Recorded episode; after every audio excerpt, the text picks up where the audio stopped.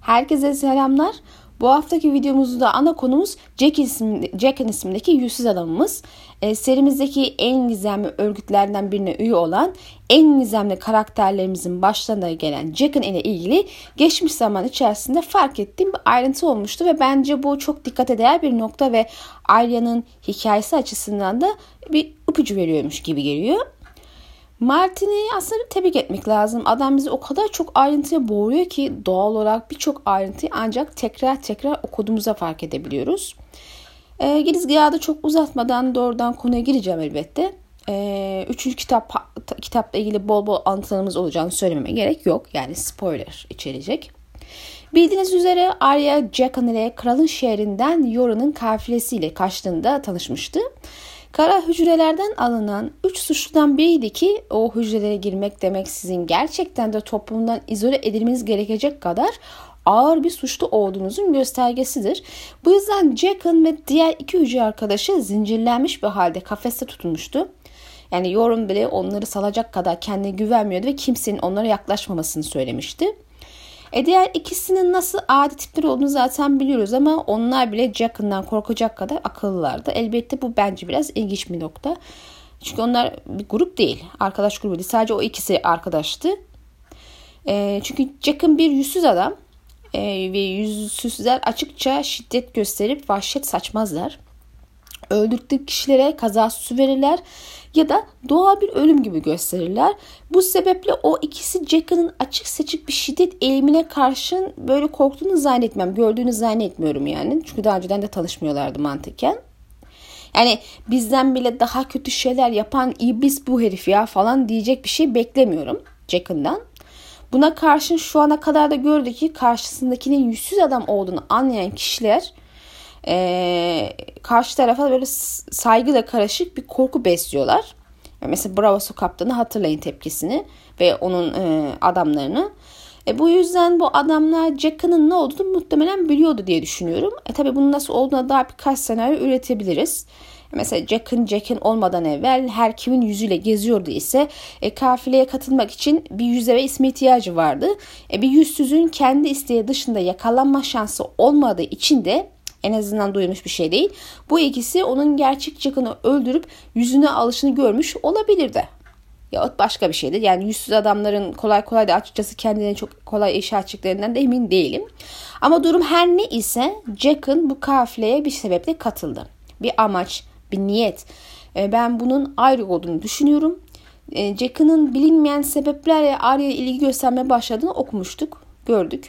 Hepinizin Ciro Farrell'in Jack'ın olduğu kuramına e, aşinası olduğunuzu tahmin ediyorum. Yani bu benim de desteklediğim bir fikir.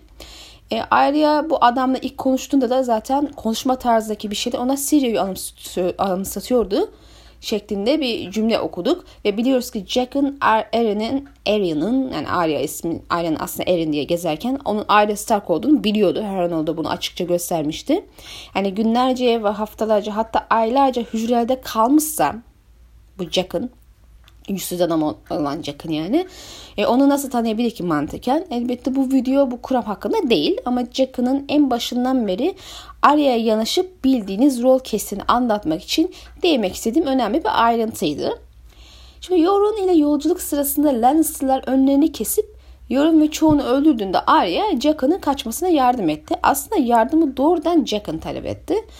Ben burayı da biraz düşündürücü buluyorum. Çünkü yani yıllarca eğitim almışsın. Suikastçı eğitim dahil birçok eğitim almışsın. Tecrübeli bir suikastçısın. Ve de üstüne büyü kullanabiliyorsun. Yani biliyorsunuz bu yüzsüz adamların çeşit çeşit büyüleri var. Ve, ve basit bir zincir ve kafesten kaçamıyor musun yani? Yeme bizi Jack'ın abi ya.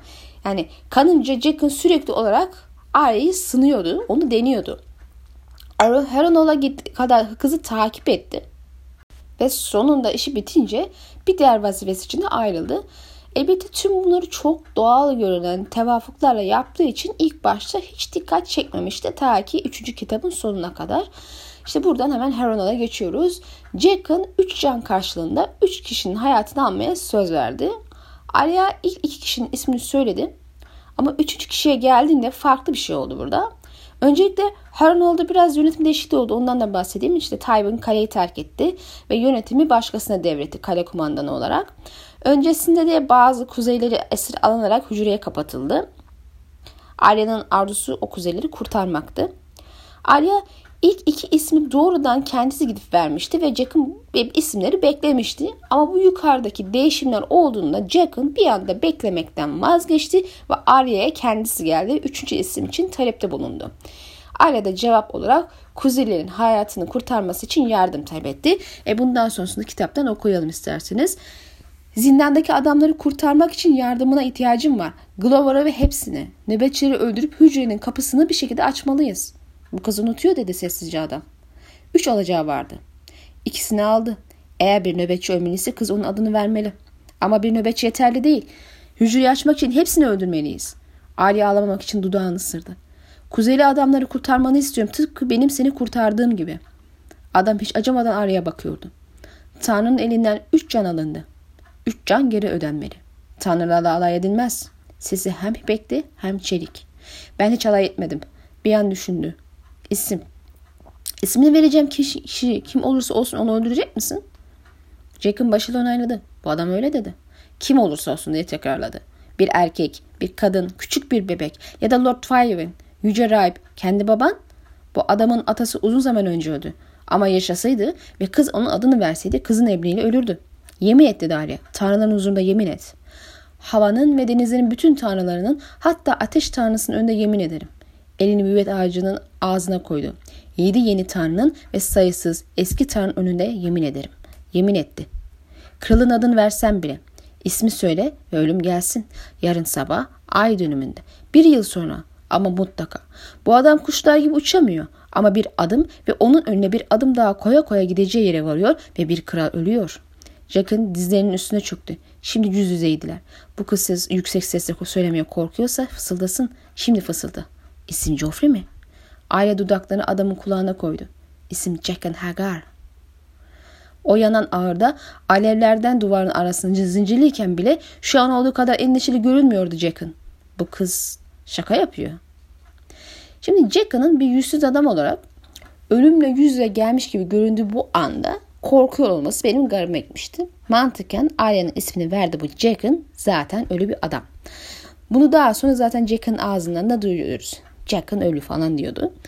E bu yüzsüz adam olmanın temel, temeli hiçbir cinsiyete, kimliğe ve ismi sahip olmamaktır. Yani onlar hiç kimse. Kimlikleri bir yalan. Bir hiç kimseyi öldüremezsiniz değil mi? Yani ismi, yüzü, kimliği olmayan biri nasıl ölecek ki? E Jack'ın ölüyken tekrar nasıl ölebilir? Yani Jack'ın korktuğu falan yok. Zaten bir yüzsüz adam için ölüm bir hediyedir. Ölüm inanına tapan bir insanın ölümden korkması düşünülemez. Kaldı ki kimliği yalan ve ölü bir e, birini zaten öldüremezsin. Yani Jack'ın ismiyle dolanan kişi her şekilde güvende. Arya'nın Mercy Pavun'da gördük ki yüzsüzlerin e, aldıkları eğitimlerden biri de oyunculuk. Nazik Adam da benzer bir yüz eğitimi zaten Arya'ya vermişti. Yani mimiklerini nasıl kullanacağını vesaire. Teknik olarak bu kişiler her kılığa girdikleri için her birinin en iyi şekilde yansıtması gerekiyor. E, bir genel evde çalışmadan oradaki bir kadın ve erkeğin nasıl hareket ettiğini bilemez konuştuğunu bilemez. Ya da bir balık satıcısının nasıl hareket ettiğini. E bu yüzden her meslekten de eğitim alıyor bunlar. Bilhassa oyunculuk. Çünkü zaten oyunculuk tüm bunları yapmanın temeli. E bu şekilde güzel güzel rol kasıyorlar yani. Jack'ın yaptığı tam olarak bu. Yani Jack'ın korkmuyor, korkuyor gibi yapıyor. Aileyi kandırıyor. Şimdi alıntılarımıza devam edelim. Yemin ettin. Tanrılar yemin ettiğini duydu. Duydular. Adamın elinde birdenbire bıçak belirdi. Ayranın serçe parmağı kadar inceydi. Bu adam için Bıçak adam için mi çıkmıştı yoksa kendisi için mi bilmiyordu Arya. Bu kız ağlayacak. Bu kız tek arkadaşını kaybediyor. Sen benim arkadaşım değilsin. Bir arkadaş bana yardım ederdi. Geri çekildi. Bıçağın üstüne gelmesi ihtimaline karşı parmakların üstünde dengede durdu. Ben bir arkadaşı asla öldürmezdim. Jack'ın gülümsediği, gülümsemesi geldiği gibi gitti. Eğer bir arkadaş yardım etseydi. Bu kızı başka bir isim verir miydi? Verirdi dedi Arya. Eğer bir arkadaş yardım etseydi. Bıçak kayboldu. Gel. Şimdi mi? Adamın bu kadar çabuk hareket edeceğini aklına gelmemişti. Bu adam camın içindeki kumu sesini duyuyor. Bu kız kesin bir isim söylemeden bu adam rahat uyumayacak. O yüzden şimdi şeytan çocuk. Ben şeytan çocuk değilim diye düşündü Arya. Ben ulu kurdum ve Hornell'daki hayaletim. Kılıcı gizli yerine koydu ve Jack'ını takip etti. Şimdi Jack'ın sözde korkusu belir korku belirtisinin ardından hemen böyle bıçağını çıkartıyor. Kendini öldürecektir tabii yerseniz. Ve burada asıl sorun oyun şimdi başlıyor. Jack'ın araya yazıp bu kız tek arkadaşı kaybedecek diye duygusal bir cümle kurdu. Ya şimdi bir dakika Jack'ın sen bir yüzsüz adamsın ve senin gibi birinin arkadaşı olamaz. Duygusal bir bağ olamaz. Sen hiç kimsesin abi. Aslında burada bir manipülasyon var. Arya arkadaş kabul ettiği insanlara karşı ciddi bir sadakat duygusu besleyen bir kişi. Onları korumak için tehlikeye atılmaktan asla çekilmiyor. Yani misal Mike olayını hatırlayın. Oğlanı korumak için nasıl korkusuzca Joffrey'e saldırmıştı. Belli ki Jack'ın Arya'yı çok iyi tanımış. Aile de Jack'ın oyunu düşüyor ve sen arkadaşım değilsin arkadaş dediğin yardım eder ben arkadaşlarını öldürmem deyince Jack'ın saniyelik bir şekilde gülümsüyor ve bıçağı tekrar saklıyor. Jack'ın arkadaşı olduğunu tekrar vurguluyor ve gel diyor. Bu işi hemen şimdi yapacağız. Git şunları şunları yap. İlk başta e, kural e, kurallardan falan bahsederek yardım etmek istemeyen adam bir anda neredeyse kalenin yarısını öldürmeye yardımını kabul ediyor ve daha da önemlisi Jack'ın bir planı var. Oldukça da hızlı bir plan yapıyor. Yani Arya bile bu kadar hızlı şekilde hareket, harekete geçeceğini düşünmemişti. En zeki insanın bile kaleden adam kaçırma işini bir anda böyle ayaküstü kursuzca planlamasını bekleyemeyiz. Bu herhalde en hızlı kurtarma operasyonu değil de nedir? Yani ne yalan söyleyeyim deli kral esir düşüne Jack'ın orada olmaması kötü olmuş. Yani bir saatte plan yapıp adamı kurtardı değil mi yani? Madem böyle biri. Yani toplasanız zaten adamlar yani 2-3 kişi o iki tane işte hücre arkadaşı var. Jack'ın kendisi var. Yani aileyi saymazsak 3 kişiler. Yani Jack'ın düşman kalesinin içindeyken onlarca muhafızı öldürüp kuzeyleri serbest bırakmak için nasıl desem üzerine daha iyi düşünmüş bir plan yapması gerekmiyor mu? Gerekmiyormuş. Çünkü Jack'ın zaten planı öncesinde yapmış, hazırlamış. Sadece Arya'yı hazırlıyor. E bundan sonra zaten çorba operasyonu ile Kuzeyliler kurtarılıyor. Jack'ın harekete geçmeden önce söylediği bir söz zaten her şeyin planlı olduğunu daha güzel bir işaret barındırıyor diye düşünüyorum. Bu adam camın içindeki kumun sesini duyuyor. Şimdi bahsettiği şey zaman. Kum saatinden bahsediyor elbette cam içindeki kum derken. Jack'ın bir şeyler döndüğünü biliyor ve zamana karşı yarışıyor aslında. Haliyle üçüncü ismi beklemeden araya gidip isim talep etmesi de bu zamana karşı yarışması yüzünden. Tywin gittikten sonra kanlı oyuncular sözde kuzeyleri esir edip getirmişti. Başlarında da Lord Glover vardı bu kuzeylerin. Bu kurtarma operasyonundan sonra Bolton ve adamları geliyor ve kaleyi ele geçiriyor. Aslında tüm bu olay kurtarma operasyonu falan değildi. Tamamen Truva hikayesi vardı karşımızda. Kuzeyler esir falan edilmediler yani. Onlar esir alınmış gibi kanlı oyuncular tarafından kaleye sokuldular ve vaktini beklediler. Glover da zaten hücrelerden çıkartıldıktan sonra bunu açıkça söylüyor. Çorba çok zekiceydi dedi Glover. Bunu beklemiyordum. Lord Houghton fikri miydi? Roach gülmeye başladı. Öyle şiddetli kahkahalar atıyordu ki burnunun olması gereken boşluktan sümük fışkırıyordu. Isırık öyle bir nöbetçinin üstünde oturmuş adamın cansız elindeki parmakları kemiriyordu. Kemikler sivri dişlerin arasında kırıldı. Sizler kimsiniz? Rob, Robert, Robert Glover'ın kaşlarının arasında bir yarık oluştu. Lord Bolton'un kampına geldiğinde Vargo Hold'la birlikte değildiniz. Cesur dostlardan mısınız? Şimdi Vargo kampa gelerek e, Bolton ile anlaşma yapıyor ve onları bir şekilde buraya sokuyor. E, zaten Bolton da karşılığında Harron'u ona veriyordu sonra biliyoruz. E, Jack'ın olan bitenden hakkında bilgi sahibi olmayacağını zaten düşünemeyiz. Adamlar sadece harika suikastçı değiller. Ayrıca çok da iyi casusluk yapıyorlar. Ki zaten Arya'nın Bravo sahnelerine gördüğü sürekli bilgi topluyordu.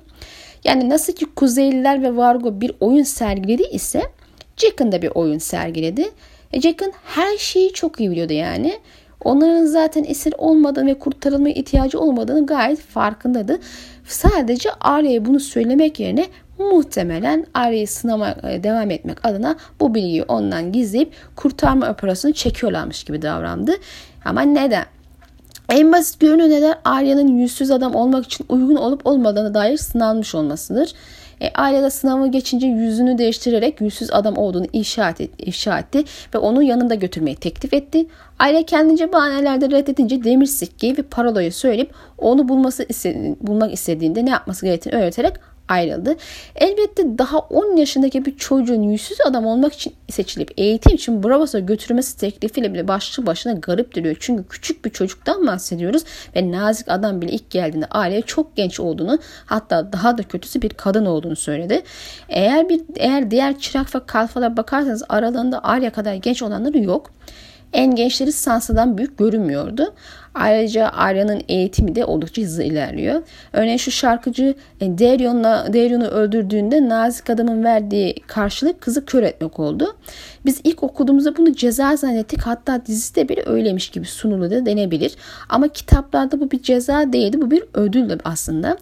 Aile kör kız iken nazik adamın her şekilde gözlerini kör edeceklerini vesaire söylüyor yani. Yüz adam da söylüyor yani o rahiplerden biri ondan bazı şeyler alacaklarını ve bunu bir eğitimin parçası olduğunu. Mesela bu alıntıyla bir şey yapalım. Nazik adam onun gözlerini her halükarda alacağını söylemişti. Ona diğer duygularını kullanmayı öğretmek için ama yarım yıl daha bekleyecekti. Siyahın ve beyazın evi kör kalfalı alışıktı ama kör kız kadar küçük olanlar azdı. Yani yarım yıl bekleyecekti ama beklemeden o bir çırak iken kalfa bile değil gözlerini aldılar. Oysa kalfa olunca duygularını kör etme eğitimi başlıyor gördüğümüz gibi. Yani özetle Jack'ın kızı özeline sınıyor ve aradığını bulmuş olacak ki onu siyah ve beyazın evine yönlendiriyor. Ondan sonra da eğitim hızlandırıyorlar. Arya'yı bu kadar özel yapan nedir ki böyle bir davranış davranmışlar dersiniz. İşte bu da uzun bir video serisinin ilk başlangıcı. Benim şampiyonlar kuramımla ilgili ilk altı yap, ilk altı yapı videosu buydu aslında. Zaman içinde yavaş yavaş Arya'nın hikayesini yapboz parçaları gibi birleştirmeye ve bir resim görmeye çalışacağız inşallah. E, videomuz burada da sona eriyor. Umarım beğenmişsinizdir. İzlediğiniz için teşekkür ederim. Bir sonraki videoda görüşmek dileğiyle Allah'a emanet olun.